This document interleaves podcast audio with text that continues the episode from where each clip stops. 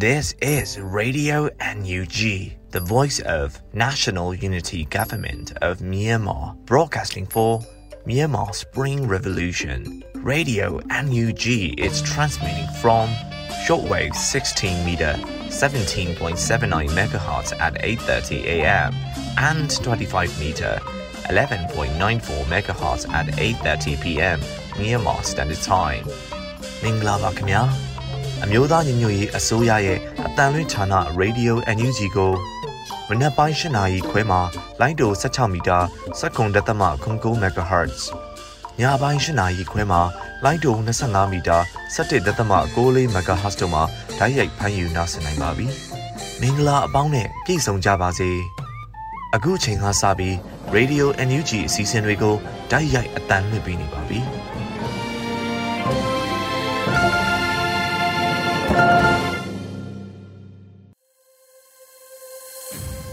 မြန်မာနိုင်ငံသူနိုင်ငံသားအပေါင်းတဘာဝပေးဆရာနာရှင်ပြီးတို့ကနေကင်ဝေးပြီးကိုစိတ်နှစ်ပါးဘေးကင်းလုံခြုံကြပါစေလို့ရေဒီယိုအန်ယူဂျီဖွယ်သားများကဆုတောင်းမြတ်တာပို့သလိုက်ရပါတယ်ရှင်။ခုချိန်ကစပြီးကာကွယ်ရေးဝန်ကြီးဌာနရဲ့စီရေးသတင်းချင်းချုပ်ကိုတော့လူဦးလင်ကမှဖတ်ကြားတင်ပြပေးပါတော့မယ်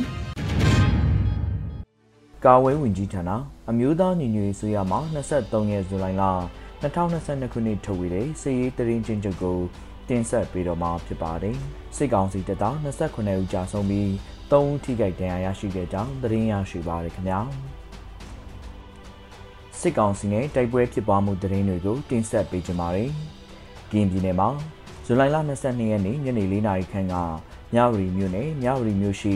တုံးတရာ BGF ဂိတ်တစ်ခုကိုပြည်သူ့ကာကွယ်တပ်မတော်နဲ့မဟာမိတ်ဖွဲ့တို့ပူးပေါင်းတိုက်ခိုက်ခဲ့ရာ BGF အဖွဲ့ဝင်တဦးတိတ်ဆုံးခဲ့ပြီးတူးထိခိုက်ဒဏ်ရာရရှိခဲ့ကြောင်းသတင်းရရှိပါရခင်ဗျာ။ စကိုင်းတိုင်းမှာဇူလိုင်လ23ရက်နေ့မနက်9:00နာရီခန့်ကကလေးမြို့နယ်ကလေးဒေသကုကေးရေးစစ်ဌာနချုပ်မှထွက်လာတဲ့စစ်ကောင်စီ4ဝီကားနှစ်စီးကိုကလေးမြို့ပေါ် UGF အဖွဲ့မှရွှေစင်နှင့်စားတောက်ဆိုင်ရှိမှာမိုင်းဆွဲတိုက်ခိုက်ခဲ့ရာကားနှစ်စီးလုံးတိတ်မှောက်ပျက်စီးသွားခဲ့ပြီးစစ်ကောင်စီတပ်သား9ဦးသေဆုံးခဲ့ကအများအပြားထိခိုက်ဒဏ်ရာရရှိခဲ့ပါတယ်။ပျက်စီးသွားတဲ့စစ်ကောင်စီကားနှစ်စီးကိုကရိန်းတီတင်ဆောင်သွားခဲ့ကြောင်းသတင်းရရှိပါရခင်ဗျာ ဇူလိုင်လ22ရက်နေ့ကကလေးမြို့နယ်ကင်မွန်ချုံကျေးရွာရောက်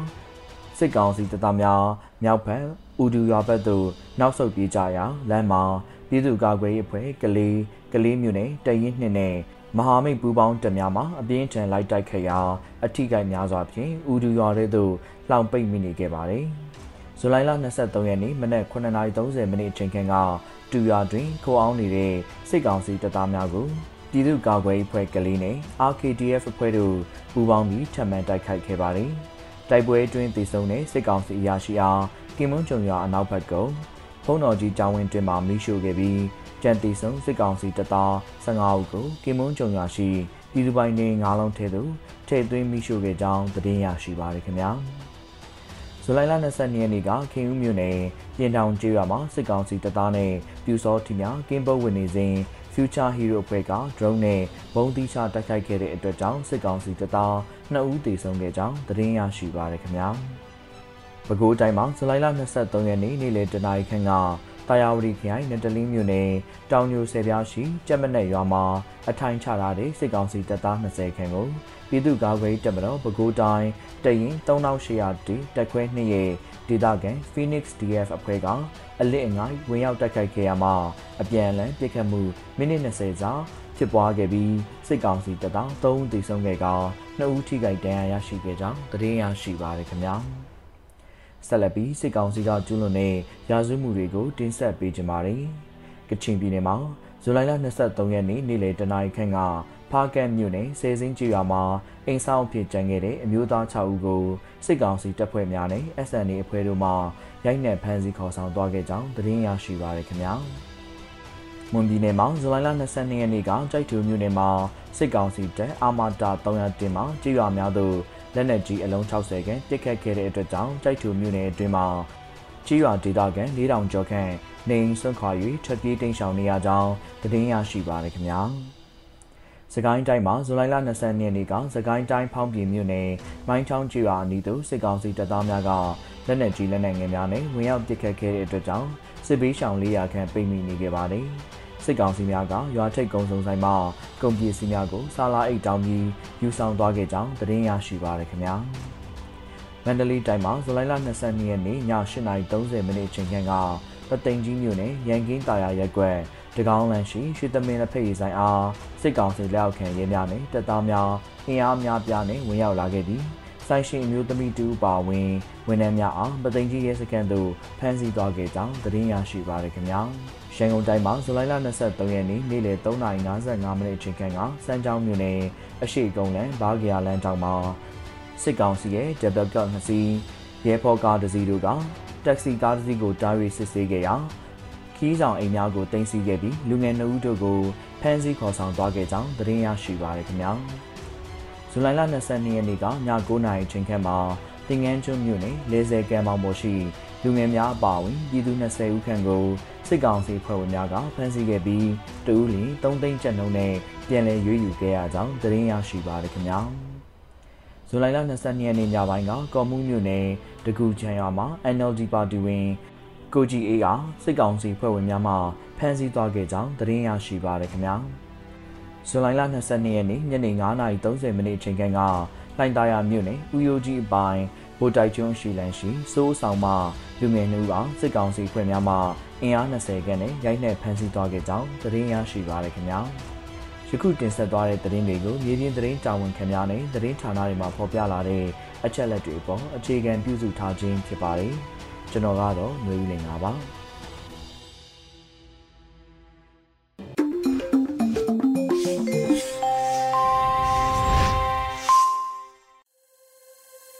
ရေဒီယိုအန်ယူဂျီမှာဆက်လက်တင်ပြနေပါတယ်။ အခုတစ်ခါနောက်ဆုံးရသတင်းများကိုနှွေဦးနှင်းစီမှဖတ်ကြားတင်ပြပေးပါရမရှင်။အခုချိန်ကစပြီး Radio UNG ရဲ့မနက်ပိုင်းသတင်းများကိုတင်ဆက်ပေးပါတော့မယ်။ဒီသတင်းများကို Radio UNG သတင်းတာဝန်ခံများနဲ့ခံလုံတဲ့မိဖက်သတင်းရင်းမြစ်များစီကအခြေခံတင်ပြထားခြင်းဖြစ်ပါတယ်ရှင်။ကျမကတော့နှွေဦးနှင်းစီပါရှင်။ တသက်လုံးအာနာရှင်လက်အောက်မှာနေရမှာတဲ့လေကိုလွတ်လွတ်လပ်လပ်တရက်ရှူရတာကိုပိုတမိုးထားတယ်လို့ပြည်ထောင်စုဝန်ကြီးနော်ဆူဇနာလှလှဆိုပြောဆိုတဲ့သတင်းကိုတင်ဆက်ပေးပါမယ်။တသက်လုံးအာနာရှင်လက်အောက်မှာနေရမှာတဲ့လေကိုလွတ်လွတ်လပ်လပ်တရက်ရှူရတာကိုပိုတမိုးထားတယ်လို့ပြည်ထောင်စုဝန်ကြီးနော်ဆူဇနာလှလှဆိုကပြောပါတယ်။ဇူလိုင်23ရက်လူမှုကွန်ရက်မှာပြည်ထောင်စုဝန်ကြီးနော်ဆူဇနာလှလှဆိုကရေးသားပြောပြပါဗျ။ အလုတ်အားတဲ့အချိန်တော်တဲ့ဟင်းသီးဟင်းရွက်လေးဘာလေးခုပေါ့ဒီနားမှာကစိုက်ခင်းလေးတွေရှိတယ်တဘာဝအတိုင်းပေါက်နေတဲ့တီးပင်စားပင်လေးတွေလည်းရှိတယ်ဝမ်းနဲ့စရာစိတ်သက်ကြစရာအကြောင်းတစ်စက်မှမရှိတသက်လုံးအာနာရှင်လက်အောက်မှာနေရမှာတဲ့လေးကိုလွတ်လွတ်လပ်လပ်တရက်ရှူရတာကိုပိုတံမိုးထားတယ်မြမပြည်သူတွေကိုအမြန်ဆုံးလွတ်မြောက်ဖို့ပိုကြိုးစားမယ်လို့ဝန်ကြီးကဆိုပါတယ်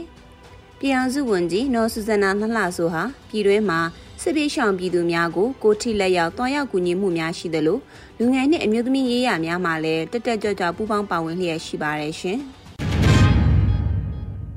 အမျိုးသားညီညွတ်ရေးအစိုးရဟာ ICJ သို့အပြည့်အဝပူးပေါင်းဆောင်ရွက်မှုကိုဆက်လက်တိုးမြင့်ကန့်လန့်သွားမယ်လို့နိုင်ငံခြားရေးဝန်ကြီးဌာနထုတ်ပြန်တဲ့သတင်းကိုဆက်လက်တင်ဆက်ပေးပါမယ်။အမျိုးသားညီညွတ်ရေးအစိုးရဟာ ICJ သို့အပြည့်အဝပူးပေါင်းဆောင်ရွက်မှုကိုဆက်လက်တိုးမြင့်ကန့်လန့်သွားမယ်လို့နိုင်ငံခြားရေးဝန်ကြီးဌာနထုတ်ပြန်လိုက်ပါတယ် ဂမ်ဘီယာနိုင်ငံနှင့်မြန်မာနိုင်ငံလူမျိုးတုံးသက်ဖြတ်မှုတာစီရေးသဘောတူစာချုပ်လိုက်နာကျင့်သုံးခြင်းနှင့်ဆက်လင်း၍အမှုတွင်ကနအူးကန့်ကွက်ချက်များအပေါ်အပြည်ပြည်ဆိုင်ရာတရားရုံး၏စီရင်ချက်ဆိုင်ရာထုတ်ပြန်ကြေညာချက်တစ်စောင်ကိုဇူလိုင်23မှာထုတ်ပြန်ခဲ့တာပါလူမျိုးတုံးသက်ဖြတ်မှုတာစီရေးသဘောတူညီချက်လိုက်နာကျင့်သုံးခြင်းနှင့်ဆက်လင်းသော ဂမ်ဘီယာနှင့်မြန်မာအမှုတွင်ကနအူးကန့်ကွက်ချက်များအပေါ်အပြည်ပြည်ဆိုင်ရာတရားရုံး ICJ ၏စီရင်ချက်ကိုပြည်ထောင်စုသမ္မတမြန်မာနိုင်ငံတော်အမျိုးသားညီညွတ်ရေးအစိုးရမှကြိုးဆိုပါတယ်လို့ဆိုပါတယ်။ဒါအပြင်စီရင်ပိုင်ခွင့်အာဏာသို့မဟုတ်ကန့်ကွက်ချက်များအလုံးနှင့်ထိုးထိုးလျှောက်ထားချက်ကိုလက်ခံနိုင်စွမ်းကိုပယ်ချလိုက်သည့် ICJ ၏စီရင်ချက်သည်2016ခုနှစ်နှင့်2018ခုနှစ်အတွင်း စစ်စင်ရေးများလုပ်နေစဉ်ရိုဟင်ဂျာများသို့ဦးတည်ခဲ့သောရက်ဆက်ကြံကြုံမှုများအပေါ်ခိုင်မာသောကြားနာစစ်ဆေးမှုများဆောင်ရွက်ရန်နီလန်းများကိုရှင်းလင်းစေတယ်လို့ဖော်ပြပါရယ်။ကန့်ကွက်ချက်များအပေါ်ကြားနာမှုသည်စစ်ကြားနာရန်မလိုအပ်ခဲ့ပြီး2022ခုနှစ်ဖေဖော်ဝါရီလ10ရက်နေ့တွင်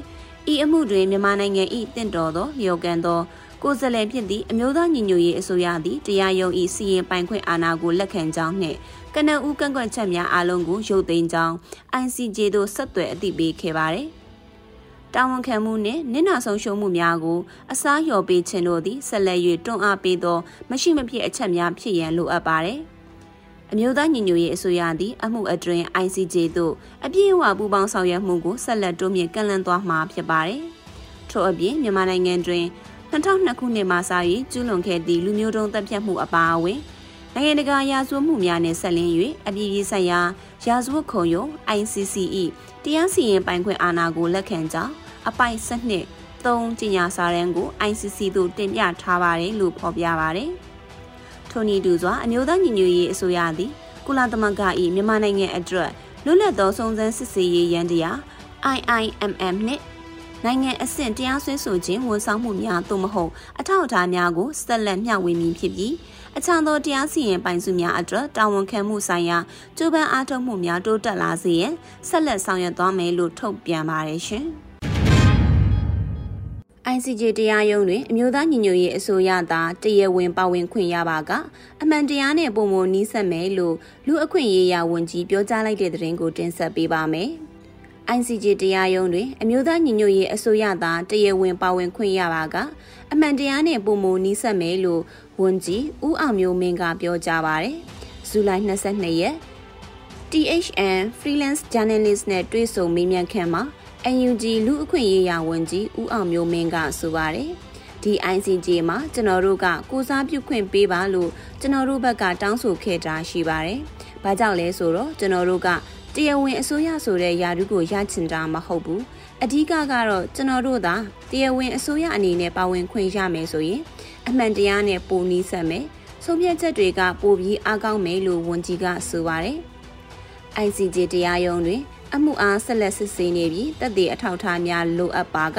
တင်ပြရန်အမျိုးသားညီညွတ်ရေးအစိုးရကပြင်ဆင်ထားတယ်လို့လည်းဝန်ကြီးကထပ်လောင်းပြောပါတယ်။ လူမျိုးတုံးတပ်ဖြတ်မှုနဲ့မြန်မာနိုင်ငံကိုတရားစွဲခွင့်မရှိဘူးလို့စစ်ကောင်စီဘက်ကကန့်ကွက်ထားမှုအပေါ် ICJ တရားရုံးကဇူလိုင်22မှာပယ်ချလိုက်ပါတယ်ရှင်။မီလအတွင်းက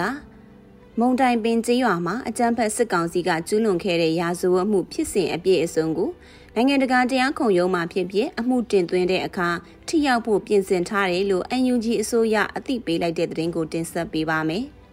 မီလာအတွင်းကမွန်တိုင်ပင်ကျေးရွာမှာစစ်ကောင်စီများကျူးလွန်ခဲ့တဲ့ရာဇဝမှုဖြစ်စဉ်အပြည့်အစုံကိုနိုင်ငံတကာခုံရုံးမှဖြစ်ဖြစ်အမှုတင်သွင်းတဲ့အခါမှာထိရောက်ဖို့ပြင်ဆင်ထားတယ်လို့ UNG အစိုးရလူ့ခွင့်ရေးရာဝန်ကြီးအသိပေးပါတယ်။ဇူလိုင်23ရက်လူမှုကွန်ရက်မှာအထောက်အထားများကိုဖော်ပြပြီးလူခွင့်ရေးရာဝန်ကြီးဦးအောင်မျိုးမင်းကရေးသားပါတယ်။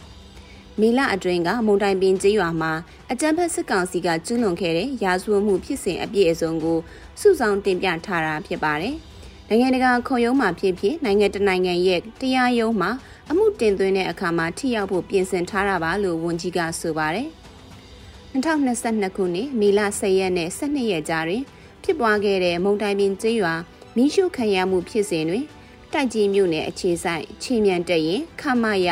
908မှ တက်သားများဖြစ်ပြီးအမိတ်ပေးကုတ်ကဲသူမှာဒုတိယဗိုလ်မှူးကြီးထွန်းလင်းအောင်ဖြစ်ပါတယ်။အကြံဖတ်မှုကြောင့်တေဆုံးသူအမျိုးသား29ဦးရှိခဲ့ပြီး19ဦးကိုမုံတိုင်ပင်ကျေးရွာမှာပြန်လည်ရှာတွေ့ခဲ့ပြီးကျန်10ဦးကိုအင်ပင်ကျေးရွာတွင်ပြန်လည်ရှာတွေ့ခဲ့ပါတယ်။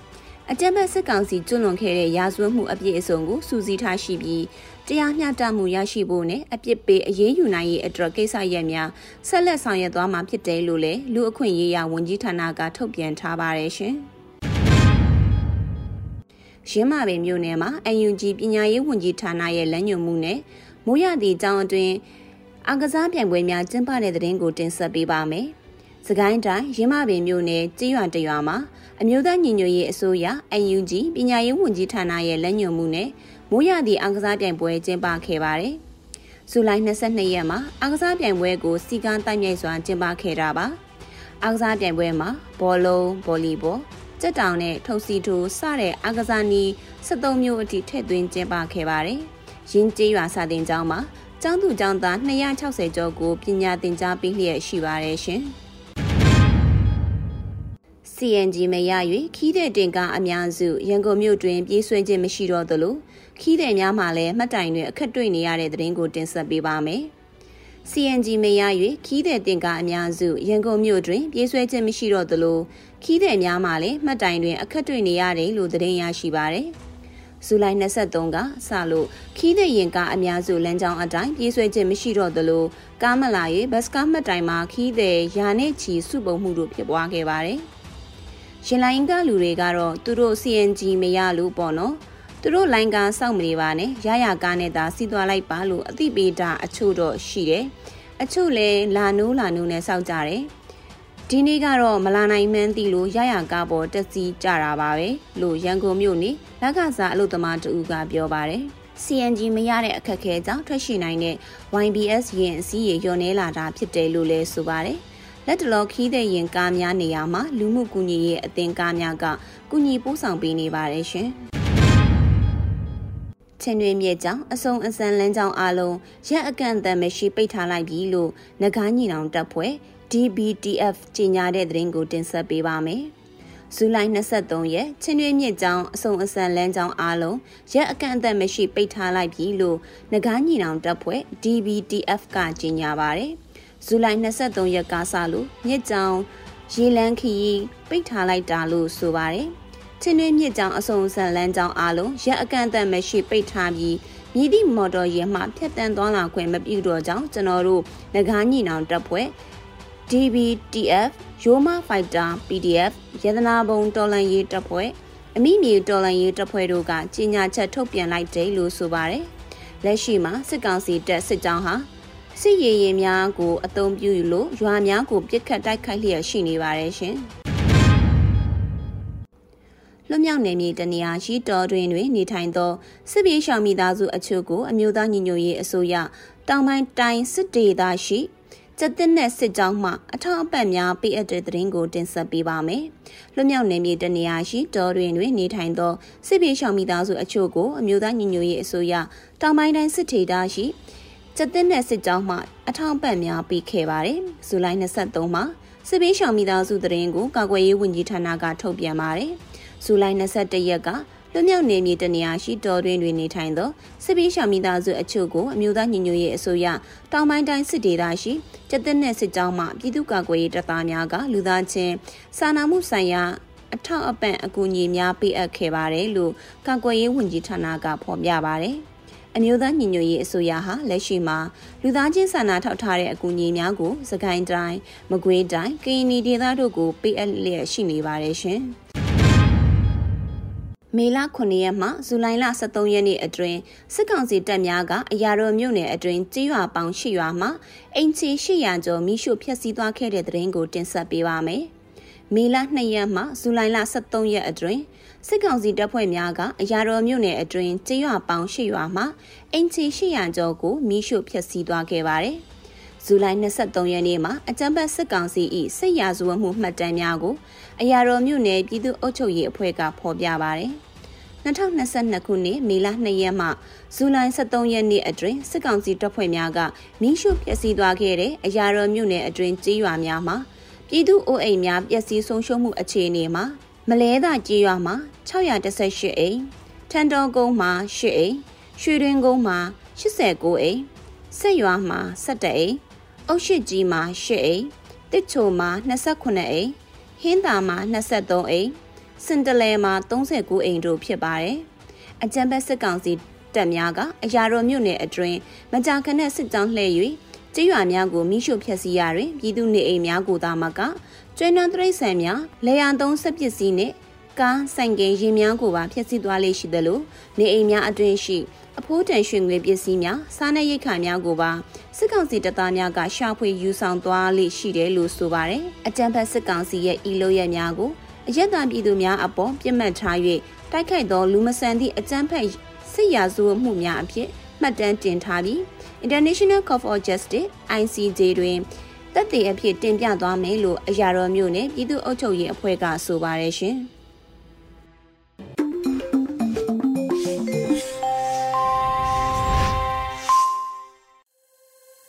ဗီဒီယိုအန်ယူဂျီရဲ့မနက်ခင်းစီစဉ်တွေကိုဆက်လက်တင်ပြနေပါတယ်။အခုဆက်လက်ပြီး PPTV ရဲ့နေ့စဉ်သတင်းများကိုထက်ထက်အင်ဒရာအောင်မှဖတ်ကြားတင်ပြပေးပါရမရှင်ပထမဆုံးတင်ဆက်ပေးမှာကတော့ဂျာကာလာဒေသန္တရပြည်သူ့အုပ်ချုပ်ရေးဖော်ဆောင်မှုဗဟိုကော်မတီနဲ့ဂျာကာလာချင်းမျိုးသားအတိုင်းအမြံကောင်စီ ICNCC တို့တွဲဆုံဆွေးနွေးမှုတွေပြုလုပ်ခဲ့ကြတဲ့ဆိုတဲ့သတင်းမှာ အမျိုးသားညီညွတ်ရေးအစိုးရဂျာကာလာဒေသန္တရပြည်သူ့အုပ်ချုပ်ရေးဖော်ဆောင်မှုဗဟိုကော်မတီနဲ့ဂျာကာလာချင်းမျိုးသားအတိုင်ပင်ခံကောင်စီတို့ကြားဒုတိယအကြိမ်မြောက်တွေ့ဆုံဆွေးနွေးမှုကိုဇူလိုင်လ22ရက်မနက်10:00နာရီမှာပြုလုပ်ခဲ့ကြပါတယ်။ ဂျာကာလာဒေသန္တရပြည်သူ့အုပ်ချုပ်ရေးဖော်ဆောင်မှုဗဟိုကော်မတီဝင်ပြည်ထရေးနဲ့လူဝင်မှုကြီးကြပ်ရေးဝန်ကြီးဌာနဒုတိယပြည်ထောင်စုဝန်ကြီးခုထဲဘူးကချင်းမျိုးသားတွေကိုဒီတော်လှန်ရေးကာလမှာဘလို့မှမေးလို့မရနိုင်တဲ့အားနဲ့မှန်နဲ့ရွရွချွန်ချွန်စီစီလုံးလုံးတိုက်ခိုက်လာတဲ့အတွက်စစ်ကောင်စီဘက်မှအများကြီးပြတ်သုံးဆုံးရှုံးလာတဲ့ပြည်သူတွေကလည်းမိမိတို့နဲ့အတူတကွရှိနေတယ်လို့ဆွေးနွေးခဲ့ပါတယ်။ ဆက်လက်ပြီးတော့အစည်းအဝေးမှာ Federal Democracy ပြည်ညံပါပြဋ္ဌာန်းချက်တွေနဲ့အညီနှစ်ဖက်သက်ဆိုင်ရာဌာနတွေအလိုက်ချိတ်ဆက်ပူးပေါင်းဆောင်ရွက်နေမှုအခြေအနေတွေ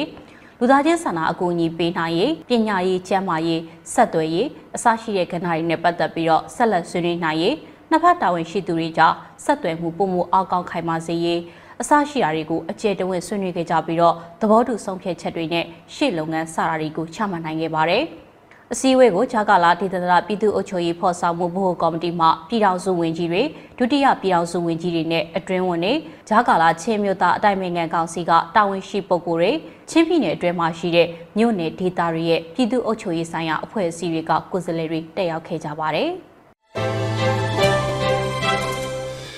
အခုတင်ဆက်ပေးမှာကတော့ကရားပြည်နယ်မှာဂျာကာလာပညာရေးကာလအတွင်းစာတင်ကျောင်း300နီးပါးအထိဖွင့်လှစ်ထားနိုင်တယ်ဆိုတဲ့သတင်းကိုတင်ဆက်ပေးပါမယ်။ ကယားပြည်နယ်မှာအမျိုးသားညီညွတ်ရေးအစိုးရကဖော်ဆောင်နေတဲ့ဂျားကာလာပညာရေးကာလအတွင်းစာသင်ကျောင်း300နီးပါးအထိဖွင့်လှစ်ထားနိုင်ပြီဖြစ်တယ်လို့ကယားပြည်နယ်လုံးဆိုင်ရာအခြေခံပညာဆရာများတက်မကကဖော်ပြထားပါတယ်။ကယားပြည်နယ်အတွင်းမှာစာသင်ကျောင်းတွေဖွင့်လှစ်နိုင်ရေးအတွက်ကယားပြည်နယ်လုံးဆိုင်ရာအခြေခံပညာဆရာများတက်မကရဲ့တမကအဖွဲ့ဝင်ဆရာတွေကမြေပြင်ကွင်းဆင်ပြီးတော့လိုအပ်တာတွေကိုကုညီဖြည့်ဆည်းပေးတာနဲ့ဆွေးနွေးညှိနှိုင်းပေးတာတွေကိုစက်တိုက်ပြုလုပ်နေပြီးတော့ တင် जा ရေးအပိုင်းမှာတော့ CDN ဆရာတွေကတာဝန်ယူပေးထားတယ်လို့ဆိုပါတယ်။ဆရာများသမဂ္ဂကတော့ဇူလိုင်လ22ရက်နေ့ထုတ်ပြန်ချက်မှာကျောင်းတွေဖွင့်လျာမှာမြို့နယ်ပညာရေးဘုတ်အဖွဲ့ဝင်တွေနဲ့ညှိနှိုင်းလှုပ်ဆောင်ဖို့လိုအပ်တယ်လို့ဆိုထားပြီးတော့ကိုပိုင်ကျောင်းတည်ဆောင်တာကိုအာမပေးလက်မခံဘူးလို့လည်းဖော်ပြထားပါတယ်။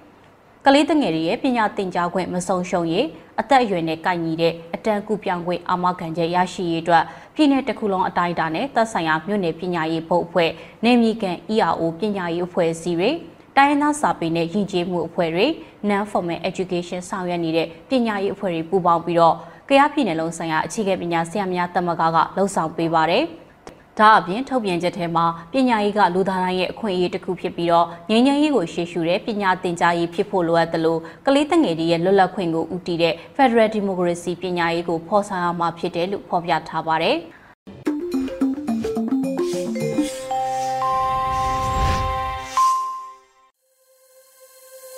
Radio NUG ရဲ့ပရိသတ်တွေအတွက်အခုနောက်ဆုံးနားဆင်ကြရမှာကတော့ တိုင်းရင်းသားဘာသာစကားဖြင့်သတင်းထုတ်လွှင့်မှုအနေနဲ့ချိုးချင်းဘာသာစကားပွဲတစ်ခုဖြစ်တဲ့မွန်ဘာသာစကားဖြင့်ထုတ်လွှင့်မှုကိုနားဆင်ကြရတော့မှာဖြစ်ပါတယ်။ဒီအစီအစဉ်ကို Radio NUG နဲ့ချိုးချင်းဘာသာထုတ်လွှင့်မှုဖွဲ့တို့ကပူးပေါင်းတင်ဆက်ထားတာဖြစ်ပါတယ်ရှင်။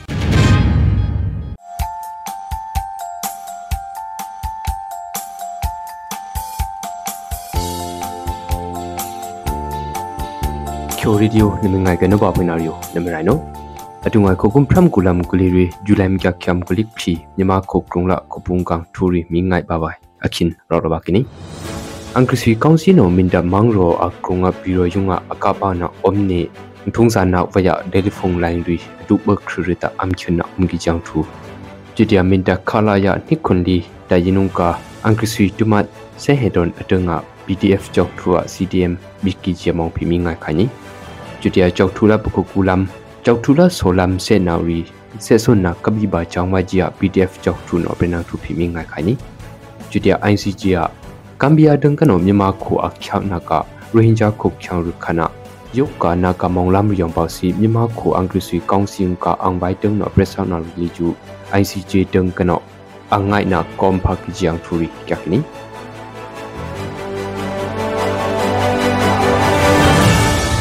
minda mangro angrisi kaunsi tang kanong pribrika julem chakhyam ku khumutanga minda mangro hikya tanga shravi ta dum du ba si akana omne achuna khongai dong kana dunne dele phung line ri am khuna om gi ja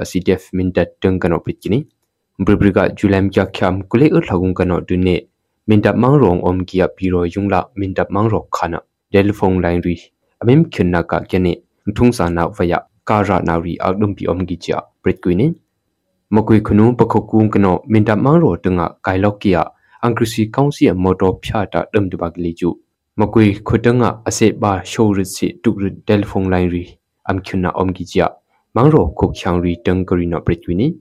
chitiang bribrika julem kya khyam kule am mutanga jumpi angkrisi kaunsia khan yong tumat minda mangro biro yunga ayun na omsi minda mangro amhun yunga se sunna ngai na vai kya khajia ctf minda tangkana leju aprina opkini minda mangro khanu angkrisi kaunsi tangkana bribrika khogum phram kulam kule september phukya shale ut lakung kano dunne telephone line ri internet line ri dunne am khuna kya kini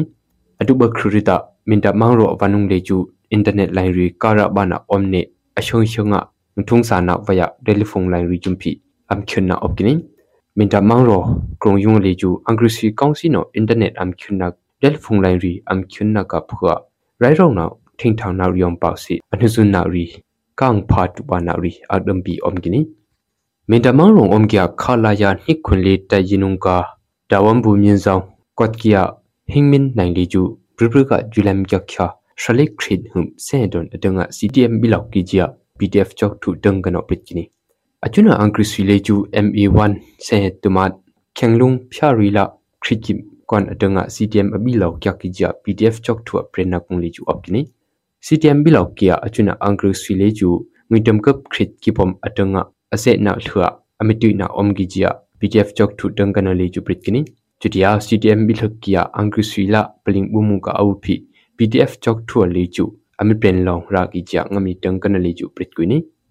makui khunu pakho kung kano khyo kho min da mang ro sineng thlat lo ba kia angri sui kaung sia moto phya da dum du ba le chu min da tung kano makui khunu chok thu a rok ba ne achuna chok thung kano pakho kudanga se ba na om hingi ke si pakho kula chok thu ပခုကူလာဆိုစင်နကမော်တော်လမ်ရီခုချောင်ရီတန်ကနောကာမီဆုငင်ဘာချောင်ဝါဂျီယာ PDF ကြောက်ထုနောဂျူလမ်ကြခါမကုလေအန်ဟပရစ်ကီနီကြောက်ထုလာပခုကူစင်နကလမ်ကြောက်ထုံကနောဆောမန်းရောစင်နကလမ်ယုံလေကျူအင်္ဂရိစီကောင်စီနောအဆုံဘာနာအုံလနင်ဂီကစီအကျွနလမ်ရီကဆုံဘာချောင်ဝါဂျီယာ PDF ကြောက်ထုနလီကျူအပရင်နီ အကျွနလမ်ရီအငနီယဆုံဘာနေရာဘယာအခင်းဂျုံပီ PDF ကြောက်ထု YRPA tengkano aprembana omkhajia ngamya meruna opkini Rohingya khok changri khana nyama ko angrisi kaungsi no genocide jia ngshonma khaya ngonna kong pausi Gambia ko tengkano ICJ nyama ko angrisi akhyang naka amo lamong pausi leju pripriga julam kyakya mkuleri khumutang kano tinne ami ngai na opkini ajuna nyama ko angrisi kaungsi tengkano aprenna kang thulam rileju ICGM ka angbai return kano avan amino na omgi JP aksuk bayam hana opkini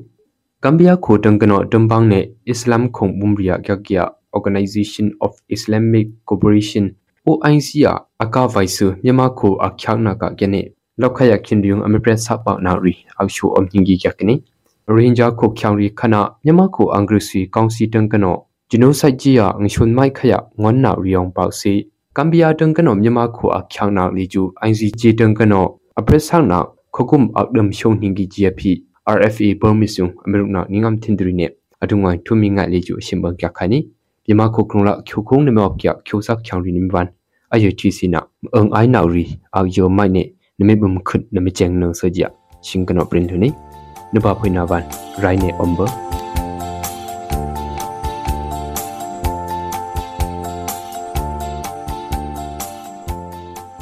ကနေ့ကတော့ဒီညနေပဲ Radio NUG ရဲ့အစည်းအဝေးတွေကိုခਿੱတရနာလိုက်ပါမယ်။မြန်မာစံတော်ချိန်မနက်၈နာရီခွဲနဲ့ည၈နာရီခွဲအချိန်တွေမှာပြန်လည်ဆုံးဖြတ်ကြပါစို့။ Radio NUG ကိုမနက်ပိုင်း၈နာရီခွဲမှာလိုင်းဒို16မီတာ7.3 MHz ညပိုင်း၈နာရီခွဲမှာလိုင်းဒို25မီတာ17.6 MHz တို့မှာဓာတ်ရိုက်ဖမ်းယူနားဆင်နိုင်ပါပြီ။မြန်မာနိုင်ငံသူနိုင်ငံသားများကိုစိတ်နှပြကျန်းမာချမ်းသာလို့ ဘေးကင်းလုံခြုံကြပါစေလို့ Radio NUG အဖွဲ့သူအဖွဲ့သားများကဆုတောင်းလိုက်ရပါတယ်။အမျိုးသားညီညွတ်ရေးအစိုးရရဲ့စက်သွေးရေးတရင်အချက်အလက်နဲ့ဤပညာဝန်ကြီးဌာနကထုတ်လွှင့်နေတဲ့ Radio NUG ဖြစ်ပါတယ်။ San Francisco Bay Area အခြေစိုက်မြန်မာမိသားစုများနဲ့နိုင်ငံတကာကစေတနာရှင်များလှုပ်အားပေးများရဲ့ Radio NUG ဖြစ်ပါတယ်။အရေးတော်ပုံအောင်ရမည်